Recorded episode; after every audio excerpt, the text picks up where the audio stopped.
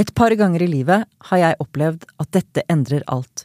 Den første gangen var da klassevenninnen min Jessica fikk en datamaskin som kunne redigere tekst. Og den andre gangen var da jeg begynte på Institutt for medier og kommunikasjon på Universitetet i Oslo i 1995 og ble kjent med datamaskiner og internett. Den tredje gangen var nå i vinter, da jeg testet chat GPT. Og det er det du skal høre om nå chatboter og kunstig intelligens. Mitt navn er Gunn Enli, studiedekan ved Det humanistiske fakultet, og dette er min podkast Undervisningsplikten. Nå skal du få høre et opptak av en samtale jeg hadde med tre tenkende og kunnskapsrike mennesker på HF Studioscenen på Blindern den 13. mars.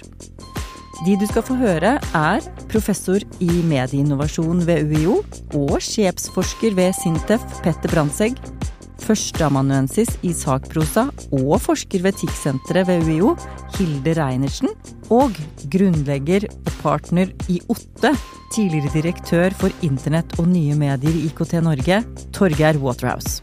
Det første spørsmålet går til Petter Brandtzæg. For hva er egentlig ChatGPT? Det er et veldig vanskelig spørsmål, men uh, Og ChatGPT er først og fremst en tekstbasert generativ AI som eh, vi vet har tatt eh, verden med storm.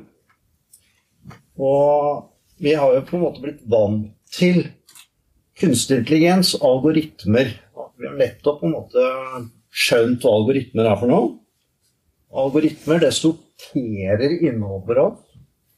Klassifiserer innhold for oss. Og på en måte lager det man kaller for synlighetsregimer. Altså de bestemmer hva vi skal se og ikke se. Mens jeg tenker at generative AI og ChatGPT skaper andre regimer. Altså de skaper det man kan kalle for innholdsregimer. Altså hva slags meningsdannelse som foregår der ute. Sånn at jeg er veldig opptatt av hvordan denne kunstige intelligensen som skaper innhold, vil også virke inn på f.eks. ytringsfriheten vår og vår, våre måter å tenke på, våre måter å skape innhold på. Så jeg har nettopp fått et prosjekt fra Medietilsynet faktisk om dette her, som heter en AI-drevet offentlighet. Fordi Ytringsfrihetskommisjonen kom nå, og den uh, tok ikke egentlig inn over seg denne utviklingen i det hele tatt. Og da ble jeg uh, litt irritert og skrev en del innlegg i avisen om at hva er egentlig en ytring som skapes av maskiner? Hva betyr det for oss som mennesker? Og hva, hvem har ansvaret for disse ytringene? Og hvordan vil det påvirke vår måte å skape ytringer på i fremtiden? Og ChatGPT viser jo med fulle at kunstig intelligens virkelig kan skape ytringer. Fordi ChatGPT tolker tekst og skaper tekst. Den skaper tekst, men er det ikke det vi lærer studentene våre, Hilde? Kan vi bruke dette til noe i undervisningen våre, eller hvordan endrer det måten vi underviser studenter på? Ja, det er et utrolig interessant spørsmål. Jeg har lurt mye på det selv også. fordi det, Jeg var jo en av de som satt i juleferien og prøvde meg frem på dette. Og en av de første tingene som slo meg, var at det, Eh, stilte hun et eller annet spørsmål, og så ja, hva er kildene dine på dette? For det blir jo, man blir jo lurer på altså, hva, er, hvilket, hva er tekstmaterialet som den genererer sant, uh, um, sin egen tekst fra? Og da kom det uh, altså, litteraturlignende eh, kildehenvisninger. Det lignet på en referanse, men så søkte jeg dem for å finne den, og så fantes den ikke. Og det var akkurat nå en, en sak på Først i Krono og så NRK som handlet om akkurat det samme. At studenter går til universitetsbibliotekene med sånn 'Jeg finner ikke denne referansen, kan dere finne denne boka, denne artikkelen?' Og så er den fiktiv. Altså, er, den ligner på en uh, reell referanse. Det ligner på forskning. Eh, så den hermer på en måte fakta. Den hermer jo måte, disse sjangerne som vi tar for gitt som på en måte, kunnskapen og sannhetens sjangere. Eh, så den bryter jo på en måte hele den, den eh, forpliktelsen, eller sannhetsforpliktelsen, virkelighetskontrakten, som man snakker om i sakprosaforskningen. Altså, den, når, er, uh, når, du ikke kan stole på at det er reelt engang, eh, så blir den jo helt umulig å bruke i en, i en universitetssammenheng, tenker jeg i hvert fall. Sånn, er, man må lære studentene helt sånn grunnleggende at dette er ikke um, dette er ikke et leksikon. ikke? Jeg har snakket med en del studenter om det er veldig varierende hvor mye de har brukt det. Eh, noen har brukt det masse og skjønner og kan det. Vi har et emne i digital humaniora som Heidi Karlsen leder, hvor jeg var innom, vi hadde en økt om chat-GPT. Det, det, er en fantastisk gruppe, hvor du hadde noen med informasjonsteknologi, språkteknologi, historie, kildekritikk. Og de til sammen så kunne de jo masse, mye mer enn meg, om eh, hvordan man kan bruke dette. Men da er det jo nettopp det å forstå hva, det, hva den teknologien, hva muligheten er, og hva, hva begrensningene er. Og man kan ikke bare måtte, stille ned et spørsmål og regne med at du får et riktig svar. Så det å lære, lære kildekritikk, og ikke bare på en måte eh, oppdatert til liksom nye typer tekster, men også hva slags plattform er dette, hva slags, hva slags algoritme er dette, som virkelig kommer inn i det tekniske, det tenker jeg er noe av det viktigste vi kan eh, både på en måte advare studentene om å stole blindt på dette, og også lære dem hva slags teknologi dette er, hvilken betydning har det for oss som samfunn, som mennesker, menneske, hva, hva kunnskap er dette? At vi virkelig liksom legger det på bordet som noe vi må studere, både empirisk og, og da forandre våre metoder. Og, så altså mm. ikke stenge det ute og forby det, men ta det inn? Ja, jeg tenker det viktige er å ikke tenke på det som en sånn Altså dette, dette er enten-eller, at vi må Vi undervisere må liksom passe på at studentene enten ikke bruker det, eller la dem bruke det. Vi må måte ta det ett skritt videre, til at dette her er noe som et fenomen i samfunnet som vi virkelig må forstå. Og er det noen som skal håndtere dette, så er det jo vi på universitetet. Og særlig kanskje dette fakultetet, humaniorafakultetet, som liksom dette er en del av vår at det endrer, som du sa, da, kanskje hvordan det er å være menneske, hva, hvordan vi forholder oss i samfunnet. Dette er store spørsmål da, som vi må virkelig bare håndtere. Ja, Du ba om en uh, replikk, Petter? Veldig kort replikk. Nei, altså det, det, du sa var at vi kan ikke bruke dette her i akademia, men så skjønte jeg at du modererte deg litt. Vi faktisk må bruke dette i akademia, da, og det tenker jeg er veldig viktig. Altså, det er veldig mange bruksområder utover det å bruke det som et leksikon, utover det å bruke det som et søkeverktøy. altså Det finnes utallige bruksområder for ChatGPT som er veldig verdifulle. Så er det sånn at en EU-rapport kom nå, og den sier at uh, innen 2026 så vil 90% av alt innhold på internett være AI-generert. Og så kan man jo lure på hva er AI-generert innhold? Altså fordi veldig mye er jo innhold som genereres i samspill med mennesker også. Altså, vi skal huske på at ChatGPT er en dialogisk prosess, hvor input fra oss har veldig mye å si for output osv. Så, mm. så så, så at Torgeir ristet på hodet med at eh, AI-generert innhold uh, ikke vil bli 90% i 2026, men det, det, er ikke Jeg tenker at det er et helt reelt tall med tanke på alle de AI-genererte verktøyene som kommer hver dag nå. Og nå kommer GPT4, altså, som er på en måte next level of chat-GPT. Og vi vil få multimodalitet på en helt annen måte, og det vil gå mye kjappere. Ja, Torgeir, hvor fort har egentlig dette gått? Fra vi tenkte på dette som science fiction, til det er her? Veldig fort. Altså ikke veldig, ikke veldig fort for de som jobber med det og lager, utvikler verktøyene, men for samfunnet på utsiden og rundt, og de som tar i bruk, så har det gått veldig fort. Og det, på mange måter så kan man godt si at den store aha-opplevelsen rundt hvor effektive, hvor, hvor, utviklende disse verktøyene er, har skjedd etter pandemien i praksis. Så bare skyte inn at jeg, jeg ristet sånn bevegde, reflekterende på hodet. Jeg var ikke sånn protesterende. Det er bare å tenke på ok, hva betyr det når de sier det sånn og sånn og sånn, og den mengden osv. Uh, men uh, jeg tror uh, noe av det som er det viktigste i dette, er, er egentlig allerede sagt. Dette må inn i prosesser. Det må inn i akademia, det må inn i politikken. Man må forstå hva det betyr, hva det innebærer for alle uh, prosessene vi har. Altså, hva innebærer det f.eks. for, for uh, saksbehandling i situasjoner hvor noen har rettigheter? Hva innebærer det i, uh, i studiesituasjoner? Og, en av grunnene til at du får de merkelige referansene, er jo at det ChatGPT ekstremt forenkla gjør, er å prøve å forutse hva er den neste teksten som ville kommet her. og Derfor så kommer det opp noe som ligner på ikke nødvendigvis fordi det er et forsøk på å lyve eller lure, men bare her la oss produsere noe som, som ser fornuftig ut. Um, og um, jeg tror noe av, Det er kanskje akkurat nå vi kan plukke fram igjen den diskusjonen vi har hatt mange ganger om at det går så fort med teknologiutvikling. Uh, jeg har jo alltid vært frustrert over at det går sakte. Uh, og, uh, men akkurat nå er vi kanskje i en sånn fase hvor jeg også kan være med på at det går litt fort. ja, det er jo snakk om at norsk arbeidsliv vil endre seg offentlig sektor vil endre seg. Eh, tror du det? Tror du vi får flere arbeidsledige eller nye yrker? Så vil det være omveltende for liksom etablerte institusjoner? Altså, delvis så vil jo regulering holde igjen en del. Og, og, og samspill i arbeidslivet. Trepartssamarbeid i Norge er jo på mange måter en ekstremt effektiv brems for den type utvikling, hvis man tenker at maskiner skal erstatte mennesker. Eh, samtidig så, så, tenker jeg at vi, vi, må snakke mer om at maskiner opp, erstatter oppgaver mer enn stillinger av mennesker, og mer enn yrker. Og, eh, og, vi må se på det, lykkes med å se på det som eh, en enorm mulighet. Fordi når man går, er villig til å ha diskusjoner om vi har uløste oppgaver i Norge, så er alle enige om at vi har masse uløste oppgaver. Vi snakker om ganske stygge tall på fravær av, av kompetent personell i skoler f.eks. Så det å kunne fristille mennesker fra der de er, og holde på med repetitive oppgaver osv., og, så og så flytte mennesker rundt i, i rolleuniverset i, i Norge, uh, er noe som vi kan få hjelp til på en helt annen måte enn før med, med um, den type teknologi. Og så er det samtidig en verdidiskusjon om hvilket samfunn skal vi ha.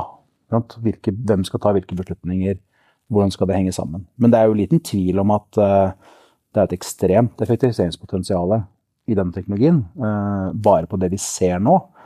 Uh, men som jeg sa, altså det, er, det, kommer nok til å være mye regulering som holder inn her. Og dette med referanse er et godt eksempel. Uh, og annet som kommer til å komme. Altså hvor man støter på at det er regler for hvordan man skal gjøre ting.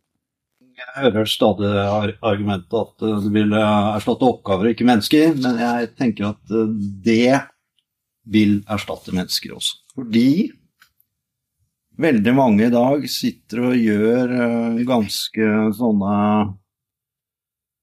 uh, Altså, det som har skjedd, er jo at plutselig så vil teknologi Altså, teknologi har vært vant til erstatter fysiske prosesser, gjerne i lavtlønnede yrker. Nå erstatter det i større grad kognitive prosesser i høytlønnede yrker. Så da sitter plutselig vi her nå og nei, nei, jeg vil ikke erstatte oss. Den erstattet uh, bøndene. Men vi, vi, er, vi, har så mye verdi at vi, vi lar oss ikke erstatte. Men jeg tenker at det kommer til å skje, og ikke bare det, det har allerede skjedd. Altså i, i USA så er det flere bedrifter som har begynt å bruke ChatGPT. De har, si, rapporterer at de sier at de har allerede begynt å permittere folk. De har allerede begynt å si at de planlegger å permittere folk. Og ikke sånn, Tenk deg, bare i departementene sitter masse folk og skriver talepunkter hver dag. Altså, ChatGPT skriver fantastiske talepunkter til veldig mange ting, så da kan det sitte mennesker på toppen og kuratere talepunkter, f.eks.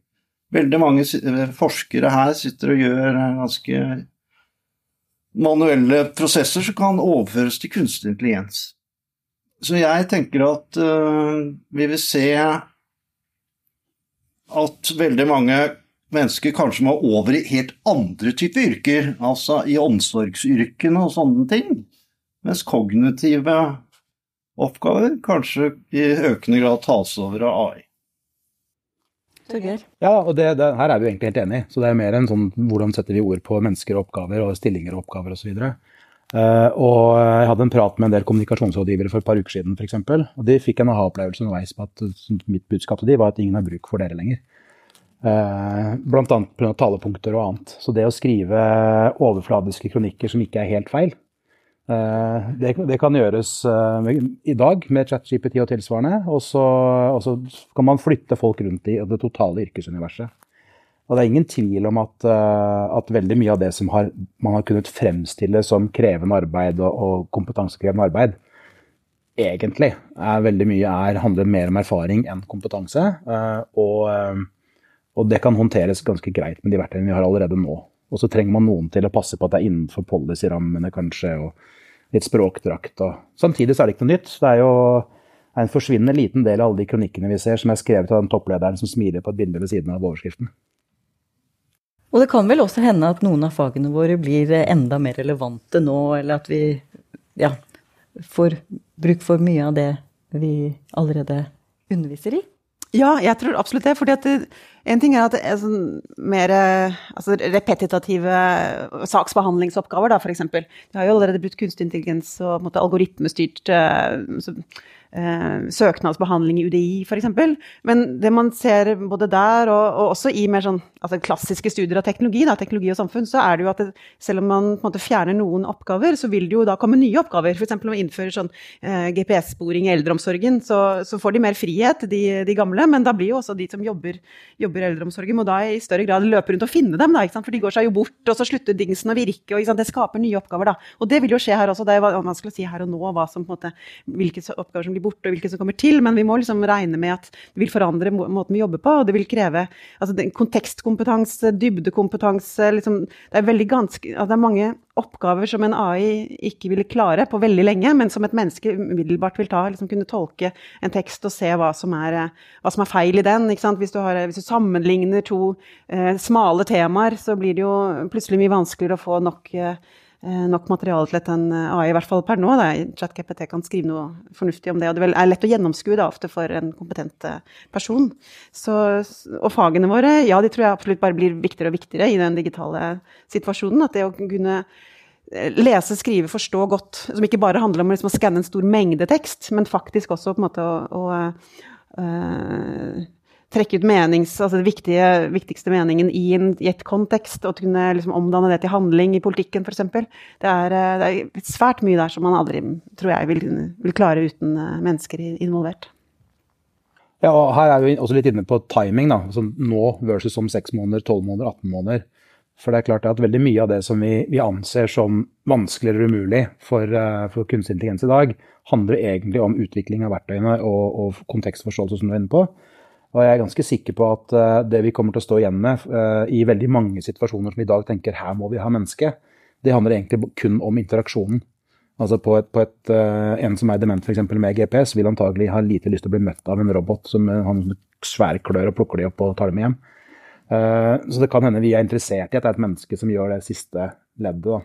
Men, men, det er klart, dette handler jo igjen også om litt hvilken evne har vi til å se hva som er mulig, og, og omfavne det, versus at vi, at vi, leiter etter grunner til å si nei og omfavne den organiseringen vi kjenner. For det er klart at dette ligner jo, Den situasjonen i historien nå ligner jo veldig på situasjoner vi har sett gang på gang før. At man begynner å beskytte menneskets posisjon, gjerne med regulering. Ja, jeg tenker at En av de mer interessante tingene her er jo at sant, det som er kommet nå, er jo at kunstig intelligens har på en måte vært i hendene på store aktører, store um, selskaper osv. Men nå ser vi en desentralisering av kunstig intelligens. I den forstand at alle kan ta i bruk kunstig intelligens. Og det vil jo føre til veldig store endringer i arbeidslivet. Fordi vi må i økende grad jobbe i symbiose med AI. Og jeg tenker at uh, det må vi som universitet også ta inn over oss. At vi i økende grad, altså arbeidslivet framover, vil være et samarbeid mellom menneske og maskin. Og så må vi også som samfunn selvfølgelig bestemme hvor mye kontroll skal disse maskinene ha. Eh, og politikere og andre er jo ikke helt på ballen her. Fordi eh, reguleringen av disse systemene de skjer jo gjerne i etterkant av implementering. Eh, så at eh, vi har jo politikere både i EU og Norge som i økende grad må ta tak i dette her. For nå skjer denne kunstig intelligente utviklingen i superfart. Og daglig implementeres det nye verktøy. Altså jeg ble jeg oppmerksom på et verktøy her om dagen hvor jeg kunne lage min egen chatbot på to sekunder. ikke sant? Det kan være en chatbot hvor jeg bare fyller med egentlig manipulative drit som jeg kan uh, poste et eller annet sted på Twitter og internett og lure folk, f.eks. Ja, nye muligheter til å lure folk. Eh, hva sier du, Hilde?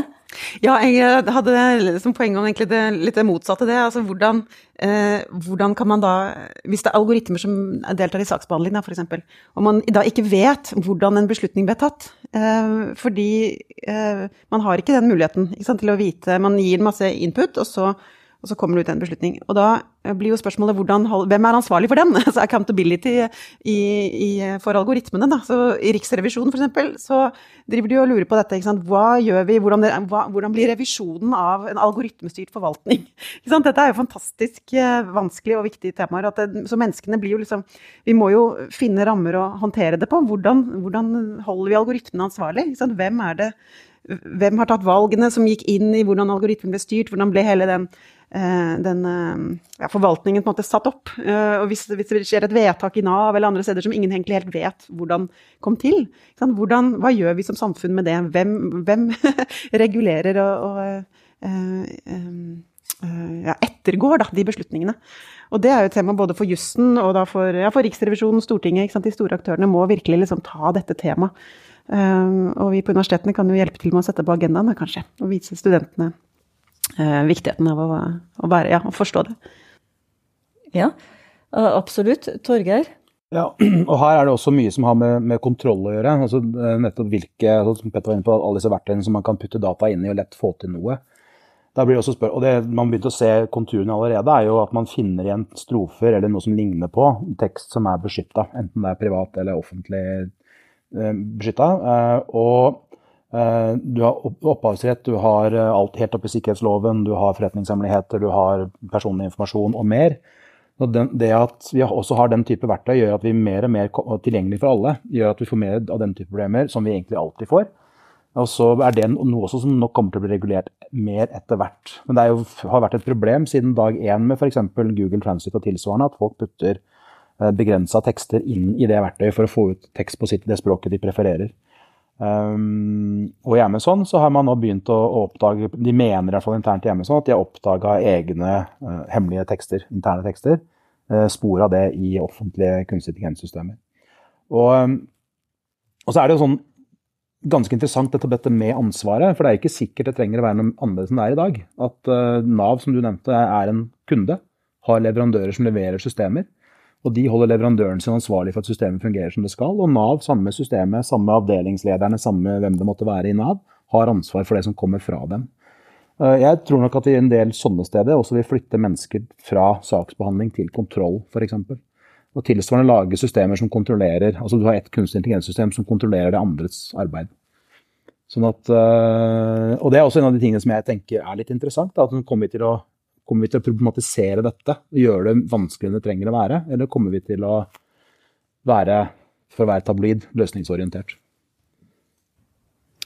Var jo, dere var jo inne på at dette endrer hva det vil si å være menneske. Og er det også noe av det som gjør at vi syns dette er litt interessant og type skremmende? Det også utfordrer menneskets egenverdi. Altså hva slags rolle skal mennesket ha oppi dette? Hva, hva er våre eh, kvaliteter versus en maskin? Vil du si noe om det, Petter? Altså, jeg begynte med å si at uh, vi nå har uh, på en måte vent oss til disse synlighetsregimene, og nå er det innholdsregimer. Og det jeg tenker er uh, spennende der, da, skummelt, det er at uh, i disse synlighetsregimene så har vi vært på sosiale medier, og vi har vært på Facebook og vært på Instagram og sånne ting. Og der skjer jo ofte kommunikasjonen gjerne i en gruppe med mange andre mennesker. Og man kan bli korrigert av de andre også, ikke bare av algoritmene. Men i interaksjon med f.eks. ChatGPT så skjer dette i en omgivelse hvor det er den intelligente maskinen og mennesket alene. Og det gjør at vi står ovenfor en intelligent maskin som kan manipulere oss. Og det er ingen andre mennesker der som korrigerer oss. Vi er alene foran denne maskinen. Det kan vel også være at man får en nær relasjon til eh, maskinen? Og så får vi en nær relasjon til maskinen også. Altså, jeg har gjort Eh, studier på dette her, altså noe som heter Replika, som er bygget på samme teknologien som ChatGPT. ChatGPT er ikke nytt for folk som egentlig har forsket på dette her, fordi den teknologien har gjerne vært implementert inn i det man kaller for companion chatbots, altså sånne samtaleroboter som Replika og Cookie og andre type chatboter som eh, Altså, replika brukes av ti millioner mennesker. Eh, hvor du da Hvor vi har studert mennesker som da har hatt vennskap, definert at de har hatt vennskap med replika. Og disse vennskapene de oppleves av disse menneskene som veldig likt et menneskevennskap.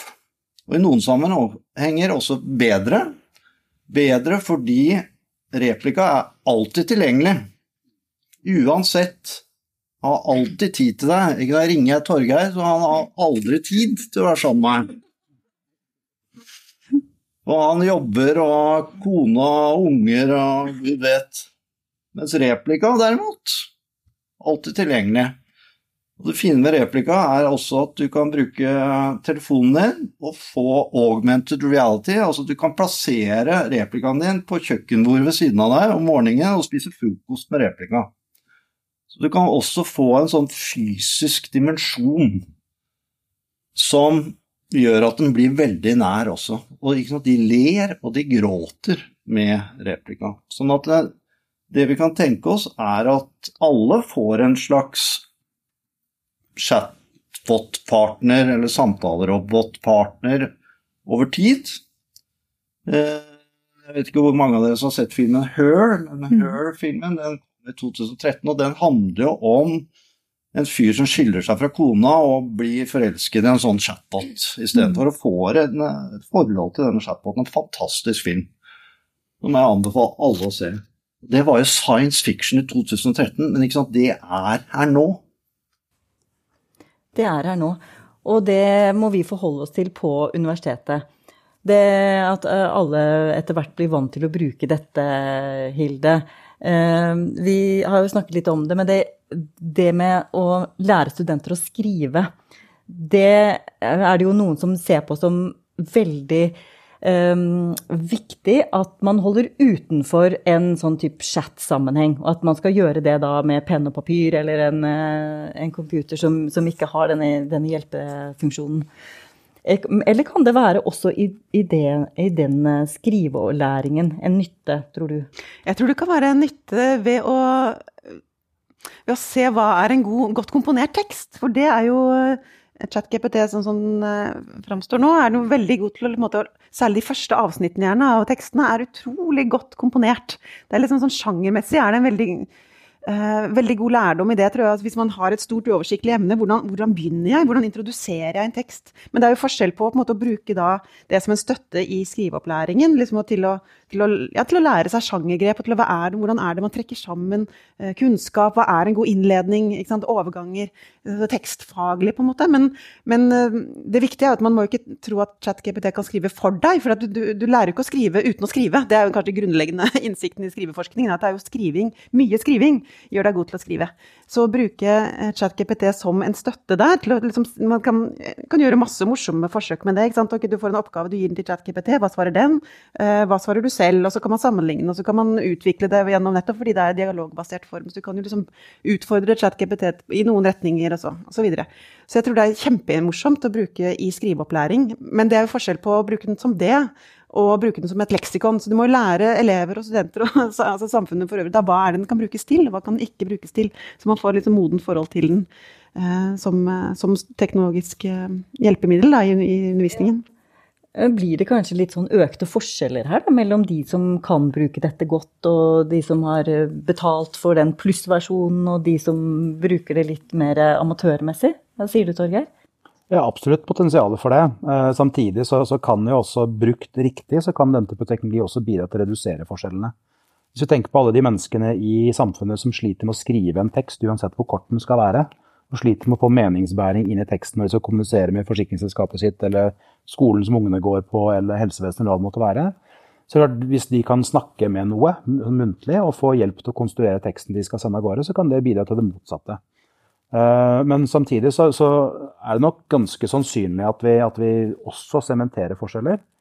Og eh, hvis man ser på uh, ser på hvordan dette fungerer i praksis, og hvordan, hvordan vi vil kunne bruke verktøyene. og om vi går helt ut i det som, Petter var inne på med, med Her og, og, replika og annet, så er det klart at det er ganske mange interessante dimensjoner ved det. Og, og, og jeg tenker mye på det, rundt dette som debatter som vi har hatt før om mobiltelefon i skolen f.eks hvor man som samfunn er opptatt med rette av at ungene ikke skal bare ende opp med å sitte og se på skjermene sine, men faktisk være i bevegelse og leke, leke og løpe og dytte på hverandre og kline litt og hva det måtte være. Eh, men så har vi fremdeles de få som er alene uansett, og hvor mobilskjermen er bedre enn å være helt alene. Så, det, så vi, vi, jeg tror vi kommer til å bli mer og mer utfordra på om vi, skal, om vi faktisk nå må begynne å tenke tilpasning til den enkeltes behov på alvor på en helt annen måte. Um, og jeg syns jo det er også interessant med tanke på den offentlige debatten rundt, uh, rundt tekster. fordi uh, nettopp den, den, kvaliteten som er på tekster som ChatGPT og annet produserer, kan jo bidra til at alle de som i dag aldri når gjennom i offentlig debatt skriftlig, faktisk kan klare å få uttrykt meningene sine på en måte som gjør at de ikke bare kan avvises av noen som sitter og holder, skal ivareta en språklig standard på en nettjeneste det måtte være. Så sånn at Um, det er veldig mye i dette. Og så tror jeg vi skal huske på at vi er fremdeles da helt, helt i startfasen. Vi er jo egentlig der hvor denne famøse kronikken i DN var, altså at internett er en flopp. Vi er der i dag. Så hver gang vi ser noen som sier ja, jeg tok feil her, tok feil der og sånn. Og for et par uker siden så var jeg ifølge ChatGPT hadde en lang karriere som jurist i Næringsdepartementet. F.eks. Um, verken jurist eller jobba der noen gang. Så, så hvis vi ser framover, så er det viktige. Uh, og, og jeg tenker at en av utfordringene for hele utdanningssektoren og for denne andre sektorer, er jo at uh, mange begynner å snakke om at ja, hvordan kan vi vite at det er studenten eller eleven som har skrevet dette selv, eller hvordan kan vi vite at det er pasienten som har fylt ut skjemaet selv osv. Spørsmålet er om er det i det hele tatt viktig. Og hvis man er redd for at oppgavetypen man gir leder til at det er lett å jukse med ChatGPT, så er det kanskje oppgaven som er problemet, og ikke at det er mulig å bruke ChatGPT som er problemet. Ja, det, Har det noe å si om eh, jeg har skrevet en tale selv, eller om det er en maskin som har skrevet den? Har, har det noe Nei da. Eh, jeg tenker at dette med autentisitet Er ikke det det heter? Jo, det er det beste ordet jeg vet. Autentisitet. Og det å være Det har jo du jobbet masse med. Ja tenker man må jo få en ny forståelse av det nå, fordi innhold blir jo i større grad lagd i samarbeid med AI fremover. Det er ikke til å lure på. Og det var en sånn meme som gikk rundt på valentine, Valentines dag. det var mange vanskelige ord. Jeg trenger ChatGPT til å hjelpe meg. Men eh, da var det altså en sånn dame som var veldig lei seg fordi kjærlighetsbrevet skrevet av kjæresten var skrevet av ChatGPT. Ikke sant? Da var det ikke så ektefølt, og heller ikke kom fra han. Eh, så tenker jeg jo at dette her med digitale skiller, som du var inne på, da Forskjeller mellom mennesker. Og ny teknologi har jo alltid egentlig økt forskjellene. Sånn det er de som greier å ta i bruk den teknologien bra, som klarer seg også best. Sånn at gapet blir bare egentlig større og større. Men med ChatGPT så har man faktisk sett andre tendenser, og en MIT-studie som tok en uh, studie på kunnskapsarbeidere, og så at de svake kunnskapsarbeiderne faktisk ble løftet opp av ChatGPT i, i større grad. Og de, også, de, greide også å effektivisere arbeidet i mye større grad. Ja, for er det ikke sånn at ved hvert nytt teknologiskifte så har vi både sånne utopiske forhåpninger om at det skal bli demokratiserende og løse masse problemer, men samtidig også fryktbilder og eh, dystopier. Mm. Ja, det er typisk det at du har både teknologioptimismen, og så har du måte, den pessimismen. Og de har jo ofte litt til felles at det er en deterministisk idé da, om hva teknologien vil føre til av endringer, og vi mennesker må bare liksom halte etter og håpe, håpe å klare å mekke det til best mulig. Men uh, jeg tenker at det, det, er kanskje der vi kan prøve å være litt i forkant nå, da, og ikke falle inn i den, det samme sporet. Men, men tenker at dette, ja, det er kommet for å bli, men vi kan også bidra til å, til å forme det og stille krav til det og, og, og ja, gjøre det best mulig. Og bruke det på en moden, klok måte. Men det som er interessant, er jo også at eh, de korttidseffektene kan jo være noe helt annet enn langtidseffektene. For at barn skal jo lære seg å skrive uansett. Og vil de gidde å gjøre det med ChatGPT, liksom? Eh, med denne teknologien? Eh, cognitive laziness er jo et sånt begrep man brukes innenfor effekter på algoritmeforskning. Ja, nå lanserer du jo enda en ny fryktscenariolandskap, da. Uh, og det høres, eh, det høres, jo ikke bra ut hvis man uh, blir for lat til å lære seg å skrive. Hva sier du, Torgeir? Jeg går litt inn på landing nå, sånn at dere skal alle tre få si noe helt til slutt. Torgeir først. Ja, men det er, det er, en helt reell frykt, og det er noe vi må ta på største alvor. Men vi må møte det med hvordan lykkes vi med å, å få barn til å, til, og ungdommer, og voksne for den del, det handler veldig mye om voksne, eh, til å være villige til å bruke den, den, innsatsen det krever, og den tiden det krever. Um, for Hvis vi bare møter det med ja, men nå må dere høre her fordi vi har sagt det er viktig, og du er dum hvis ikke du vil, og du er lat hvis ikke du vil, og du skal få anmerkning hvis ikke du vil, osv. Møter med det, så kommer vi ikke til å lykkes. Og Det er kanskje en av de største utfordringene for akademia. det er å finne ut okay, Hvordan skal vi nå angripe læring? Hvordan skal vi angripe dette så vi ivaretar de viktige elementene? Og ikke bare havne, bli sittende med nok en app Um, og så tror jeg det er viktig at vi, at vi, adresserer det på forskjellig vis, avhengig av hva som er formålet og behovene. Altså, det har jo i noen år uh, vært kjørt noen eksperimenter på, i noen gamlehjem, pleiehjem, eh, sykehjem i Japan med noen sånne halvveis smarte robotseler uh, og andre dyr som, som, ensomme gamle har hatt hos seg. Uh, og man har tenkt liksom, at på sikt kan det erstatte mennesker på, på gamlehjem og erstatte sånne dyr, hunder som kommer og snuser og lukter og bjeffer og logrer. Eh, og det er klart at eh, Vi skalerer jo ikke som mennesker hvis vi har 100 stykker boende på et pleiehjem og vi har fem ansatte eller ti ansatte, eller hva vi har. Eh, så det å klare å se at det kan ha en stor verdi, ikke som erstatning for et, et ekte menneske, men som erstatning for ingenting eller en TV-skjerm, så kan det ha stor verdi. Og det må vi se på på en annen måte enn når det skal erstatte det å skrive selv, f.eks. Og da, med skrivingen så beveger vi oss også inn i opphavsrettsproblemstillingen. ikke sant? Og nå har vi jo Stable Diffusion Litigation gående, som blir kjempespennende å se hva som kommer ut av. Takk. Hilde?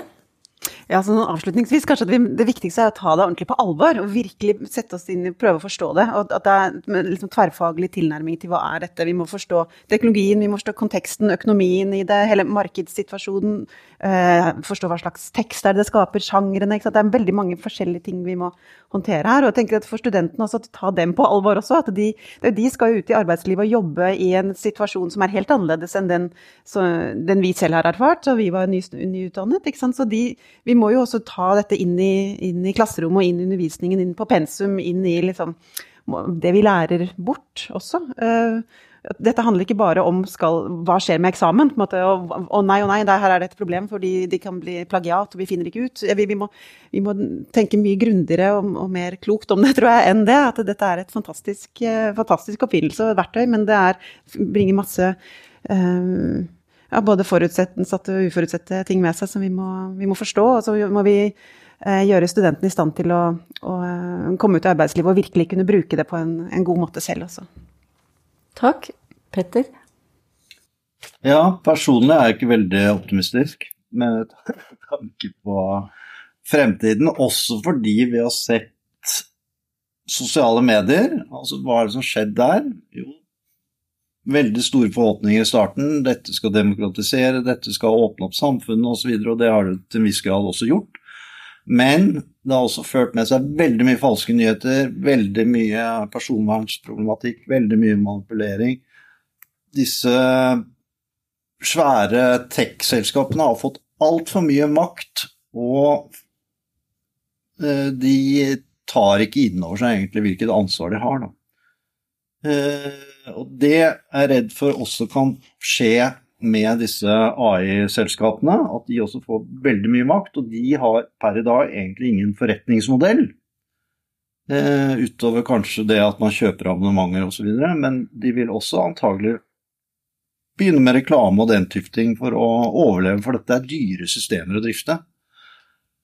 Og da kan man se en ganske uheldig utvikling også innenfor kunstig intelligens. Eh, vi ser jo en del av det allerede, men det vil kanskje bli enda større. Da. Eh, Så det blir veldig spennende å se hva slags forretningsmodeller de kommer, på, men, eh, kommer opp med. Men utfordringen her er jo at ikke noe av dette her eies av det offentlige. Det eies av kommersielle selskaper. Ja, og igjen så legger du opp til en ny brannfakkel.